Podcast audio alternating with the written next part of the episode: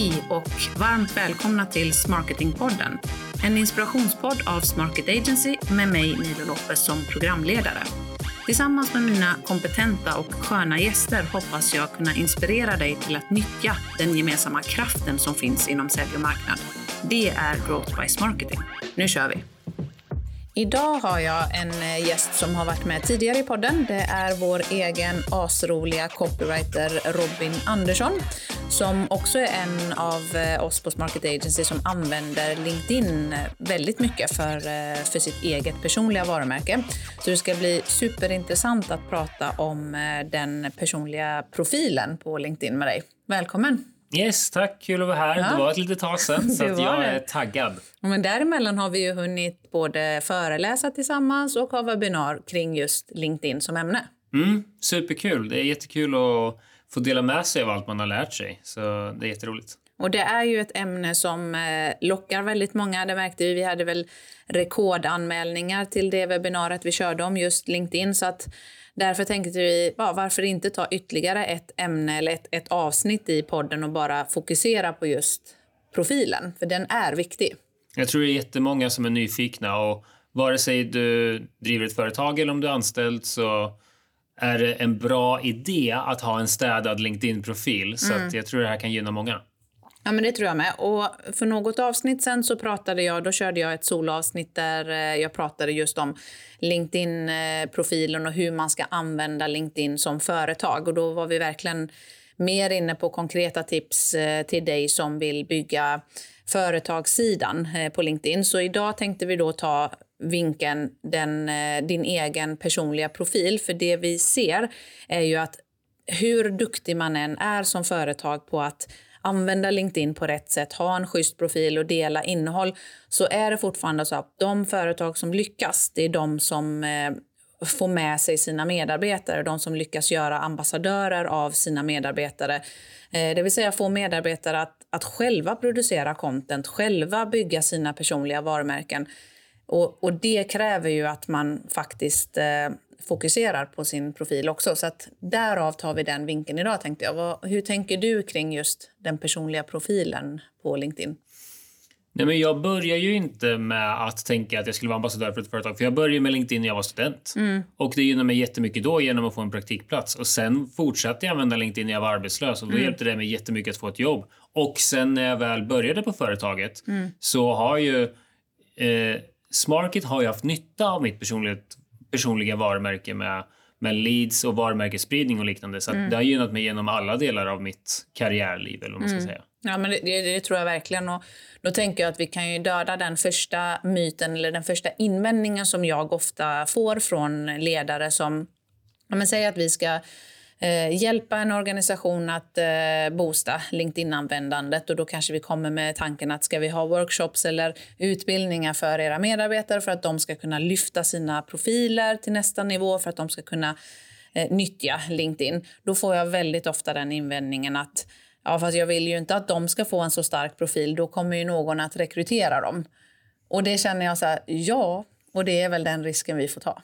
Precis, alltså verkligen. Och vad, vad kan hända om du inte utvecklar dina medarbetare? Ja. ja. men då går inte företaget framåt heller. Nej, för precis som du var inne på, det är klart att så länge som du är anställd eh, av, av oss som bolag så kommer vi att rida på varandras varumärken och de personliga varumärkena är ju starkare fortfarande. Så att Ja visst, det kan leda till att eh, någon rekryterar din stjärntalang, absolut. Men under tiden så så kommer du också att gynnas av att dina medarbetare har starkare profiler och starkare varumärken. Mm, precis, och som exempel, vi kör ju Marketingpodden nu ja. och den rider ju mycket på ditt personliga varumärke. Ja. Det är ju liksom Marketingpodden med Nilo Lopez. Och nu när vi hade ett webbinar, du och jag tillsammans, mm. så kunde vi båda använda våra personliga varumärken ja. för att liksom skicka ut den här så att det, man gynnas ofta av det. Ja, så jag tänker bara släpp det, utan bara inse att Eh, man, man, kan inte tvinga kvar medarbetare utan man måste skapa bästa förutsättningar som arbetsplats och eh, som ledare för att låta medarbetarna växa. Utan se istället dina medarbetare som någon form av extern megafon för ditt eget varumärke. Så ju starkare deras varumärke blir, desto mer kommer vi som bolag att kunna gynnas av det. Ska vi bara ta och dyka in då? Vart börjar vi? Den personliga profilen ska vi fokusera på idag. Yes, den personliga någonstans? Profilen. Ja, precis. Och, och anledningen till att det är en väldigt bra idé att ha en städad profil. Mm. För jag tänker att många är nog ute ifrån att så här, jag vill optimera min profil Ja, och, sådär. Men, men många kanske borde börja med att bara städa, kolla igenom. Har jag tänkt på hashtags här? Eller har jag tänkt på Mm. min titel här? Och så vidare. Så att om vi börjar där. För jag jämför lite med... Tänk, du kan gå in på din LinkedIn-profil och se hur många profilbesökare du får varje månad. Mm. Eh, Det kanske är 100, det kanske är 1000, det kanske är 10 000. Men tänk om alla de här vore fysiska personer som knackade på ditt kontor till exempel. Mm. Och så öppnar de dörren. Vad får de se? Det är lite samma sak som när de går in på din profil. De går in på din profil för att de är nyfikna på dig Mm. och sen är din profil det första intrycket. Och det vet vi att första intrycket kan ju make you or break you liksom. Mm. Ja, verkligen. Det är samma resonemang som vid en hemsida till exempel. Precis. Att skapa den där eh, första riktigt vassa intrycket. Mm. Eh, ja, ska vi börja med bilden då? Jag antar att den har en stor. Precis, det finns ju på din LinkedIn-profil finns ju två typer av bilder. Det finns ju dels profilbilden och eh, cover photo, tror jag man säger oftast. Den här omslagsbilden kanske man säger på svenska. Eh, Jag, jag slarvade länge med min omslagsbild, men sen var ju vi duktiga på internt här att ta fram en Smarkit omslagsbild som ju blev jättesnygg. Där vi dels har våran, vi har någon form av motto eller någon slogan Ja. eller någonting och så har vi eh, länken till hemsidan. Så dels liksom någon form av värde, vad vi gör och en call to action. Och det är en jättebra start om du vill göra en bra omslagsbild. Mm, bakgrundsbild. Jag hade faktiskt, nu har jag bytt till den för jag tycker att den blev väldigt snygg. Eh, och det är klart att det ger en bra och proffsig bild av eh, bolaget om alla har eh, samma bild. Men det är ju inget måste i att, för det tycker jag vi kan säga också att LinkedIn-profilen är ju ändå din privata eh, LinkedIn-profil. Så jag tycker inte att man ska som företag säga nu ska alla ha den här bakgrundsbilden. Däremot så har jag precis bytt till våran. Men innan dess så hade jag en bild som symboliserade mig och min eh, ja, hur jag ville uppfattas. Det var en bild där det stod opportunity drive. Eh, där jag ville visa att men så här ser jag på sälj och marknad, att det är en väg mot framgång. Eh, att det är en väg att välja till exempel. Så att jag, jag tror att det viktigaste är att man tänker till. Antingen att man använder då bolaget som om du tycker att den här rimmar med mitt personliga varumärke. Eller att du väljer en bild som säger det här är jag. Precis. Och ett genomgående tema är att man ska visa sin personlighet på sin profil. Det bör ju framgå. Och det tänkte ju du på då till exempel. Och en annan grej är den här balansen mellan hur mycket ska jag prata om mig själv och jämfört med hur mycket ska jag prata om företaget. Och jag håller helt med dig om att företaget borde inte ställa nästan något krav Nej. kring hur din profil borde se ut, vad du borde posta om, utan det borde komma från mig som person. Eh, Men jag tycker inte heller det ska vara 100% att jag ska bara prata om mig själv. Utan Nej. det borde, borde finnas någon balans där. För du representerar ju ändå ett företag på ett visst sätt. Ja. En balans.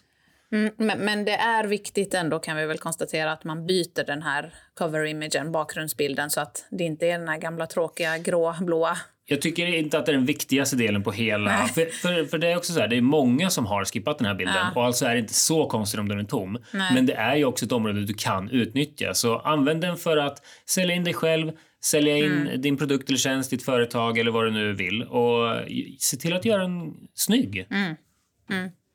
Och, och om vi går vidare då till själva profilbilden antar jag blir den andra bilden då som vi Mm. pratar om. Precis. Och jag tycker det viktigaste här är att ha liksom en schysst bild. Och med det menar jag att inga, inga selfies underifrån, inga suddiga bilder, inga med dåligt ljus. Utan du behöver inte heller ha en så high-tech-kamera, men ha schysst ljus, du kan väl åtminstone le, ha snygga kläder på dig och inte att du ska ha liksom, du måste ha en kostym och en uptight slips. Men däremot, hur vill du framstå? Exakt. Så ta en schysst bild där du framställer dig själv på och visar ditt bästa jag. Ja, det är förvånansvärt många som har dåliga bilder på LinkedIn fortfarande. Absolut. Och sen om man vill steppa upp det ännu mer så Många har ju också en schysst bild, men kan det dessutom sticka ut lite? Det är vissa som väljer till exempel att ha en, en färgglad bakgrund. Om man klipper ut sig själv, sätter en färg på bakgrunden Mm. Mm. för att sticka ut i flödet, för det första man ser i profilbilden. Eller att man kanske till och med lägger till en 3D-effekt eller Mm. någonting om, du, om du vill ta det till nästa steg. Liksom. Men åtminstone ha inte en dålig bild. Nej, men exakt. Det, det tror jag är jätteviktigt och jag tror att du det här att poängtera med att vara, din klädsel, det måste inte vara som du sa kostymbild. Nej. Eller så är det det för att det är så du är. I ditt professionella jag kanske är eh, med kostym och det är så du vill vara. Men, men att åtminstone det är en schysst bild. Men som sagt, menar, dagens iPhone och många andra, nu är jag ju en iPhone-nörd, men alltså dagens mobilkameror, de är ju tillräckligt Jag vassa. läste något test att Samsung hade den bästa. Va? Lägg av. Men, eh, ja, alltså, Vi, vi får nog klippa den källan, där men- delen. Nej, jag skojar bara. Eh, ja, men ska vi gå vidare då? Bilderna är viktiga, jag håller med. Titeln då? Yes, titeln under profilbilden precis. Och när man scrollar i flödet och ser dig, då ser man ju profilbilden, man ser ditt namn och man ser titeln. Fler och fler börjar utnyttja den här, vilket jag tycker är jättekul. Eh, för den är så viktig för att få folk att först och främst bli nyfikna på din profil när de ser det i flödet. Sen när de väl kommer in på profilbilden, vad, vad säger den här titeln då? Så att nöj dig inte med att skriva att du är en account manager eller vad det nu kan vara, utan skriv det finns lite olika sätt att tänka. Antingen kan du tänka att du vill skriva ganska mycket här information om dig själv som bygger din auktoritet, som bygger din expertis, som visar vad det är du säljer kanske. Då kan du ha 20 ord. Alla syns ju inte i flödet, men alla syns inne på profilen. Eller så kan det vara mer kort och koncis och berätta vem hjälper du med vad, hur gör du det och varför ska man bry sig? Just det det. skulle kunna sammanfatta till ganska kort liksom, värdebudskap. Eller så kan du göra som jag bara typ försöka sticka ut. Jag har hetat, eller hetat, men min titel har varit asrolig copywriter i ett par år nu. Och hyfsat regelbundet så är det folk som kommenterar det och tycker det är liksom roligt. För jag vill ju visa den sidan av mig själv. Så det finns lite olika sätt att tänka här. Ja, jag tror framförallt att det är viktigt att du tänker till. Eh, inte riktigt Mm. eh, vad du skriver, men det är så himla lätt att bara skriva sin roll. Precis. Ja. Och det är ju, då är man tillbaks till att, eller jag, jag tror att det ska bara nästa takeaway eller nästa myt som vi kanske kan döda det är att LinkedIn är inte längre bara en CV-databas. För det var ju så det började. Även om rekrytering fortfarande är jättestarkt på LinkedIn och det används som en CV-databas av många rekryterare. Men det är inte bara en CV-databas. Att bara skriva din roll eller den titeln du har, det är lite att ja, men du förlorar en hel del potential där. Ja, det, det är liksom det, ett safe val, Ja. men det är ett tråkigt val. Ja. Så testa lite grann och våga skriva någonting mer åtminstone. För att sen märker du att det här var ju lite kul kanske och så utöka. Mm, ja, exakt. Eh, men jag vet inte om vad du tycker, men jag är personligen lite allergisk mot de här allt för, men det finns säljgurus, sälj, säljninjas, eh, wizards, alltså Ja, jag, det säger inte mig så mycket, men det kan vara ett sätt att sticka ut om, om, om du känner att det är rätt, det är så jag vill heta och det är så jag vill eh, sticka ut, eh, fine. Men, men för mig blir det också ett, så här, ett enkelt sätt att bara försöka sticka ut med ett ord. Det säger inte heller så mycket om vad du vad du erbjuder för värde eller vem du är som person. Nej, precis. Det- precis. Men det beror ju mycket på hur du är som person. För någon så skulle ninja, till exempel, skulle man känna att det är ett roligt Ja, sätt ja, att uttrycka sig. För andra skulle det vara cringe eller Ja. Mm. för mycket. Så att, känn efter vad du faktiskt känner och försök inte gå på någon särskild trend eller Nej, något sånt exakt. Mm. som... Försök vara Jag själv. har ju valt att, eh, att använda sökbarheten i titeln Just det. eftersom det. finns SEO-tankar kring... eh, Så, så min titel har jag ju eh, använt som en SEO-titel. Att jag har eh, lagt upp de områden som jag vill kunna bli sökt inom. Till exempel Sales and Marketing Strategy, eh, till exempel HubSpot Partner, Inbound och. Content Marketing. Så att jag talar ju om vad, vad jag gör i, i min titel. Och där går ju du liksom långt ifrån vad din roll är. Mm. Det, pratar du, det säger du HubSpot-partner och content Ja. marketing. Liksom, så att våga tänka utanför boxen här. Och Det handlar inte bara om din roll, utan det handlar som du säger om sökbarheten också. Mm, Exakt. Så testa dig fram och testa lite olika. Eh, vi går vidare. Du, eh, du använder ju hashtags. Ja, precis. Eh, vi kan väl komma in på det lite senare, men man kan ju antingen välja att ha skaparläge på eller av Mm. i profilen. Jag har valt på. Och Då ger det mig möjligheten att skriva fem stycken hashtags. Och Där väljer man de ämnen eh, man, eh, man pratar om på LinkedIn helt Mm. enkelt. Och Anledningen till att jag tycker att om du har skaparläge på, att det är en bra idé att utnyttja de här, är för att man får snabbt en bild över vad det är du pratar om. Mm. Du har ju till exempel några av de ämnena i din titel som content marketing och Precis. Mm. HubSpot och liknande. Men man kan också använda sina hashtags för det. Så jag tror att jag har personligt varumärke, copywriting, LinkedIn, någonting sånt i mina hashtags. Snabb överblick. Vad är det Robin pratar om? Ska man välja, är jag nyfiken eller är jag inte där? Liksom? Och här kommer vi in på en skillnad. Då. Du har ju skaparläge på Yes. och använder då hashtags för att tala om för den som kommer in på din profil vad, du, vad de kan förvänta sig för ämnen i det du delar med dig av. Jag har ju i dagsläget inte skaparläge på utan jag har ju det vanliga läget om man nu så. Så istället har jag valt att använda det här erbjuder tjänster. Ja, just det. För det kan inte jag använda då för att jag skapar läge på. Eh, Tror jag. Jag är lite Nej, osäker. men precis. Den delen är ju, jag, tror, jag tror att man kan använda den delen på också. Men det jag använder den erbjuder tjänster, det är ju att tala om för någon... För anledningen till att jag inte har skaparläge på då, eh, det är ju att eh, jag vill att folk ska kunna connecta med mig på ett enkelt sätt. Så har du skaparläge på så innebär det ju att om någon går in på din profil så är ju default-alternativet att man följer dig istället för att man kan connecta med dig. Jag vill ju att folk ska kunna connecta med mig så snabbt och enkelt som möjligt och jag vill också tala om vilka områden erbjuder eh, mitt bolag tjänster inom. Så att därför har jag då den delen istället. Så det, det kan ju vara ett alternativ. För skaparläge innebär ju också de facto att man måste tillhandahålla ganska mycket content. Ja, och jag har ju de senaste åren skapat ganska mycket content och därför valde jag att prova skaparläge. Då fick jag ju till exempel tillgång till att jag kunde skriva nyhetsbrev som jag det. testade att göra ett tag. Och man får även tillgång till till exempel LinkedIn live, ljudevenemang och liknande. Så att det är perfekt för de som vill skapa mycket. Och jag, som sagt, du vill göra det lätt för folk att connecta med dig för nätverkandet. Jag vill göra det lätt för folk att följa mig för att jag skapar så mycket content. Så det finns liksom de två sidorna av det. Och det är två ypperliga möjligheter med LinkedIn. Så välj din väg. Vad, vad är du ute efter när du är på LinkedIn? Och så väljer du. Så att jag har sett alldeles för många som har klickat upp skaparläge bara för att precis när det dök upp att ja, men då frågar ju LinkedIn vill du byta till skaparläge och så har man bara gjort det utan att tänka efter. Så tänk efter vad är det du vill med, med ditt eh, LinkedInande eh, och använd då de olika sätten att jobba med LinkedIn baserat på vad det är du vill åstadkomma. Och du kan ju slå på och av det här på en sekund. Liksom. Så att var inte rädd för att testa och sen gå tillbaka. Nej, du förstör exakt. ingenting genom att testa. Nej, precis. Bra, bra tillägg där. Jag tänker vi går vidare till det här området som eh, är featured eller utvalt. ja. Det, Det- tycker jag är spännande. ja, men det tycker jag också. Och jag tror att många ögon fastnar nog på det här avsnittet när man kollar igenom din profil. Allas profiler. För att det är en ganska stor yta jämfört med till exempel hashtags, erbjuder tjänster Mm. titel. Det här är ganska högt och högt område tar upp stor del av profilen. Här får du alltså välja två till tre inlägg som du vill ska highlightas. Man kan välja fler också, men det är de som syns direkt. Två till tre inlägg som ska representera dig på något sätt.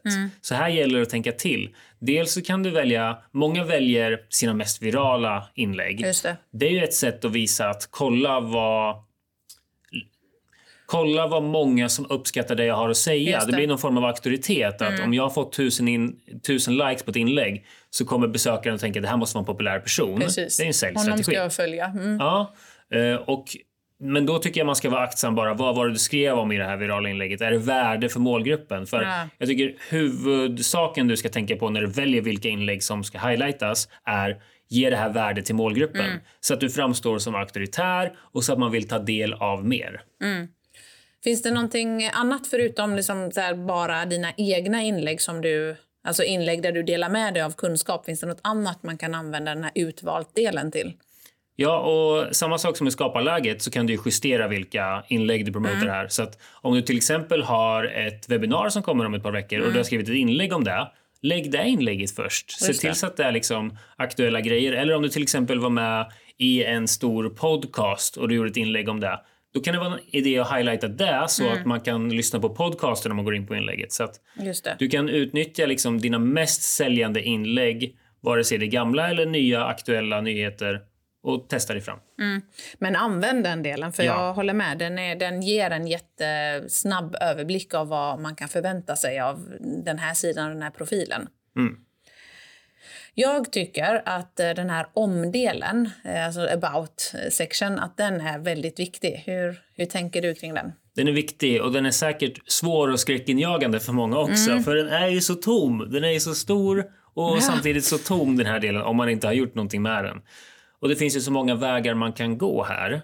Eh, vad tycker du först och främst att man borde ha i sin omsida? Omdel? Ja, men jag, jag, tycker att man ska ha någonting till att börja med. För Det är alldeles för många som är tomma. Och Jag tycker att man ska tala om vad för värde man erbjuder den som följer dig eller den som connectar med dig.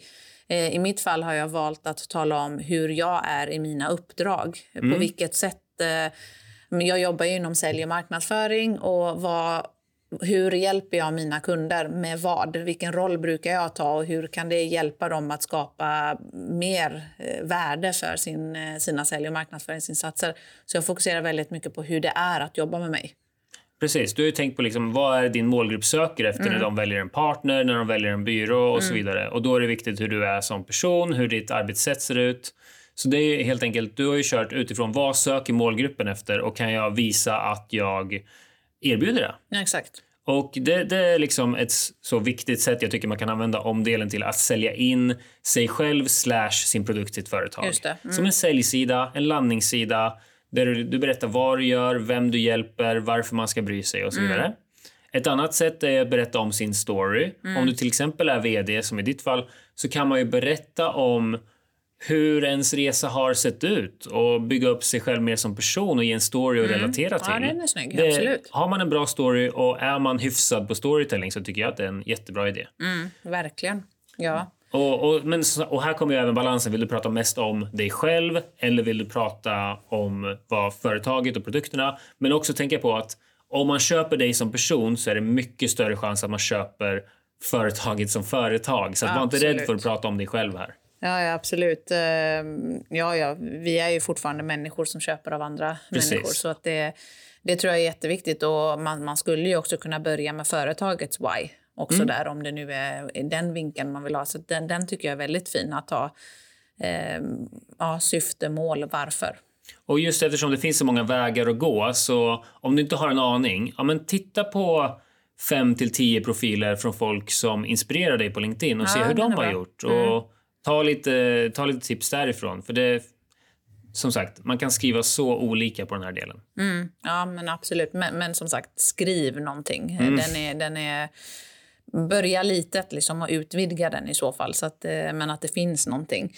Jag tänkte vi ska gå in på den här delen som är erfarenhet. Och Det är väl kanske den delen de allra flesta har någonting på. För Det var ju som sagt så LinkedIn började med mer eller mindre en CV-databas.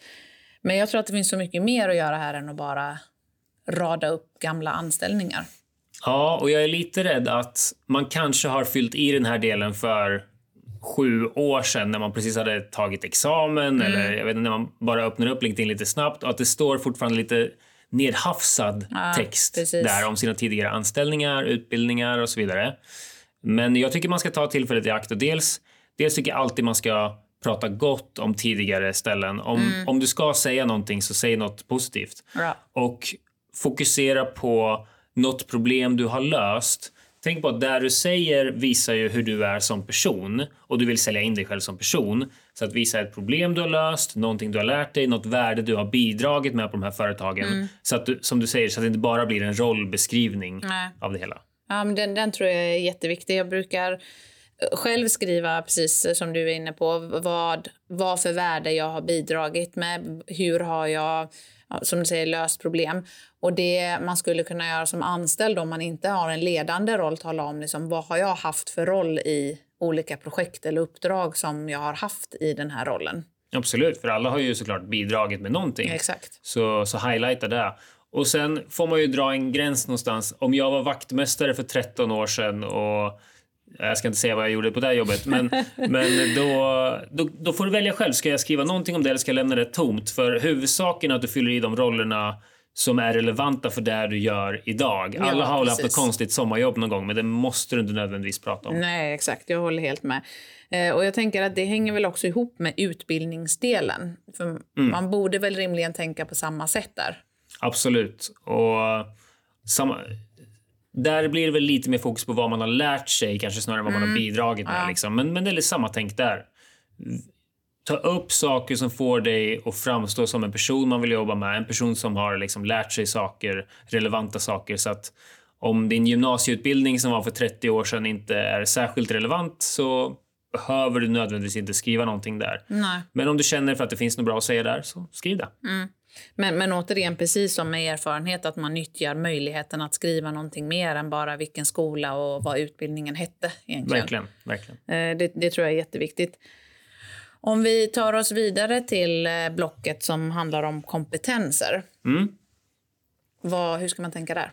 Ja, men det är ju en av de bästa säljstrategierna överlag någonsin att få andra att prata gott om en. Alltså kundreferenser kan man ju ha här. Man kan, mm.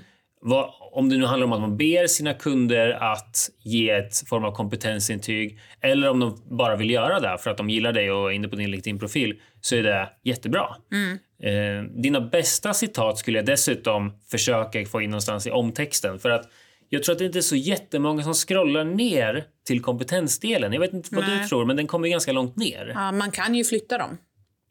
Okej. Okay. Ja, det kan man faktiskt göra. Så det, det tänkte jag att jag skulle... Då kan jag tipsa dig då. ja, tipsa mig.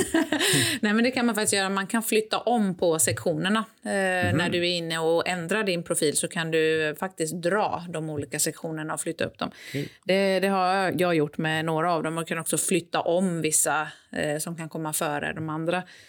Eh, ja, men ja, kompetenser. Jag tänker så här, ska man inte också jobba med rekommendationer då kombinerat där? De bästa citaten där kanske man ska lyfta upp som och be att få en rekommendation istället. Precis, absolut. Så att antingen vart man än sätter de här kompetens... Om man vill samla in kompetensintyg på LinkedIn ja. eller om det är rekommendationer så utnyttja de här på de ställena mm. som är lätta att se. Ja, om, du har om, om du har en lång omtext så stoppa in lite citat där. Ja. Um, och så vidare. Så att du utnyttjar dina bästa mm. kundcitat och rekommendationer. Ja, men jag tror att det är ett smart, eh, ett smart tips där att faktiskt lyfta upp vissa av de här som ett citat i omtexten. För helt mm. plötsligt blir omtexten mer värdeskapande och mer eh, pitchande utan att du själv behöver skriva hur duktig du är. Ja, och det är alltid mer säljande om någon annan pratar gott om dig än om du pratar gott om dig. Och det, det är också samma anledning till varför vi ser kundreferenser så tidigt på hemsidan. Exakt. För att det är ju så säljande. Ja, exakt. Men jag tänker om vi skulle runda av med just den här diskussionen kring skaparläge mm. av eller på. Vi har ju varit inne på det, men du har tänkt skaparläge på. Hur ska lyssnarna tänka? Jag har ju aldrig tänkt att gud vad jag ska driva affärer med min LinkedIn. Nej. Så där kanske jag och lyssnarna inte har samma tänk. Utan jag har mer tänkt att jag vill bara skapa inlägg för att inspirera eller lära ut och så får folk följa mig om de vill. Mm. Sen, sen hjälper det jättemycket när jag väl en vacker dag ska sälja in någonting mm. som till exempel ett webbinar att jag har byggt ett personligt varumärke. Men det, det, är lättare för folk att följa mig, den mindre tröskel än vad det är till exempel att trycka på kontakta mig. Ja, ah, connect. Ja, precis. Än att göra en connection, ah. kontaktförfrågan. Ah. Så att på så sätt tror jag att jag driver in fler följare än vad jag hade drivit in fler kontaktförfrågningar om jag inte hade haft skaparläge. Sen, jag utnyttjar inte längre nyhetsbrev, jag utnyttjar inte LinkedIn live eller ljudevenemang. Hashtagsen är bra, mm. men det är inte så att det är halleluja momentet jag skapar läge på. Men Nej. den största grejen tycker jag är det är lätt för de som är nyfikna på mig mm. att trycka på följknappen. Mm. Ja, och det tror jag är en jätte, jätterelevant poäng där. Men om du däremot jobbar med LinkedIn som en eh, säljkanal för ditt företag eller i din roll som säljare, vd, affärsområdeschef, vad det nu än må vara, då är, borde du hellre vilja att man connectar med dig, eh, vilket gör att ja, men då ska du ha skaparläge av. Eh, men man ska också ha med sig att du kommer ändå behöva skapa inlägg och dela värdefullt innehåll. För det är ingen som bara av sig själv kommer gå in och connecta med dig bara för att. Då, då har ni förmodligen en relation sen innan. Så att oavsett skaparläge på eller av så behöver du dela med dig av värdefullt innehåll på LinkedIn för att lyckas. Ja, och, jag ska säga två saker till om varför det kan vara bra att ha, att ha det avslaget. Mm. Och det är just att när någon följer mig, och vi säger att fem stycken har följt mig den här veckan, då har inte jag koll kanske alltid på vilka det är om inte jag Nej. kollar mina följare.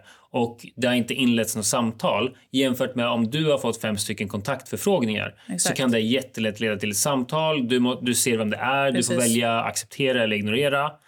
Eh, och det andra är att jag har inte någon kontroll över vilka som följer mig. Så att om jag blir viral på ett inlägg som inte handlar om mitt kärnämne så kan det droppa in flera stycken som inte är min rätta målgrupp. Exakt. Jämfört med kontaktförfrågningar där du kan välja passar den här in i min målgrupp eller är det här fel för mig? Precis. Att, ja. Ja, men, viktiga, viktiga skillnader. Så återigen, fundera på vad ditt syfte är med att finnas på LinkedIn. Och så väljer du skapa läge på eller av beroende på det. Vad är, vad är viktigast för dig eh, med ditt eh, LinkedInande då? Ja, men en, en sista fråga. Då. Jag brukar ju eh, ställa frågan om dina tre bästa diamanter. Men jag tänkte idag ska jag ställa en sista fråga som vi alltid får. Eh, och som säkert alla funderar på här också. Då. Du skriver ju en hel del inlägg. Du har eh, testat att skriva varje dag. Du, du, mm. Olika så. Men, men den frågan jag alltid får, och jag tror att du också får den, det är hur ofta ska man posta på LinkedIn? Mm. Vad ja. säger du? Alla undrar det här. Och ja. Det är som att det är en magisk formel. Ja, att om du skriver på måndagar klockan 11 så kommer det bli viral. Precis.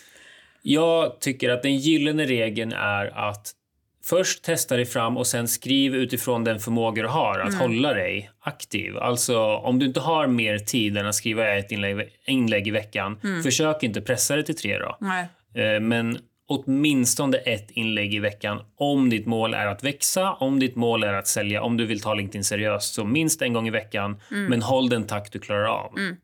Jag håller med dig till 100% Kontinuiteten är mycket, mycket viktigare än eh, frekvensen. Så, eh, men jag håller också med dig om att eh, färre än ett inlägg i veckan, då försvinner du ganska snabbt i, i bruset. Men jag ska också lägga till att om, man nu, om han har som mål att till exempel öka sitt social selling index så finns det ju andra parametrar som till exempel att eh, kommentera, lajka, engagera sig i olika grupper. Så man kan ju jobba backend också om man säger så med, med LinkedIn. Men om ditt mål är att växa ditt personliga varumärke så måste du få till ett inlägg i veckan i alla fall. Absolut. Och jättebra poäng där om att kommentera andras inlägg det är ju en, ett enkelt sätt att växa. Ja. Om, du, om du väljer ut några nyckelpersoner som du känner att här vill jag synas inför deras målgrupp, mm. se till att kommentera deras inlägg. Exakt. Om du skriver tre inlägg i veckan och någon annan också skriver tre inlägg i veckan, men den personen kommenterar tio inlägg i veckan, jag kan garantera att den personen kommer att växa snabbare än vad du gör. Absolut, ja, 100 procent. Snyggt! Tack för ett eh, fullproppat avsnitt, tänker jag. Yes, kul mm. att vara tillbaka. Ja, eller hur? Vill du ha dina tre snabba? Jag vet inte. Ja, okay. jag vet inte, vill ja. Jo, det är mm. klart att du vill det. Okej, okay, Robin Andersson. Yes. Solsemester eller skidsemester? Solsemester säger jag den här dagen. Ja. Det är så soligt så det är härligt. Jag tänkte på det när jag skrev den här frågan. Jag bara, den här dagen kommer du inte att svara något annat. Men visst fick du lite mer smak för skidåkning när vi åkte? Ja, både mer smak och att jag aldrig mer vill göra det. Så det är väl exakt det man vill ha efter en fjällresa. Okej, okay, ja men okej. Okay. Point taken. Kostym eller jeans?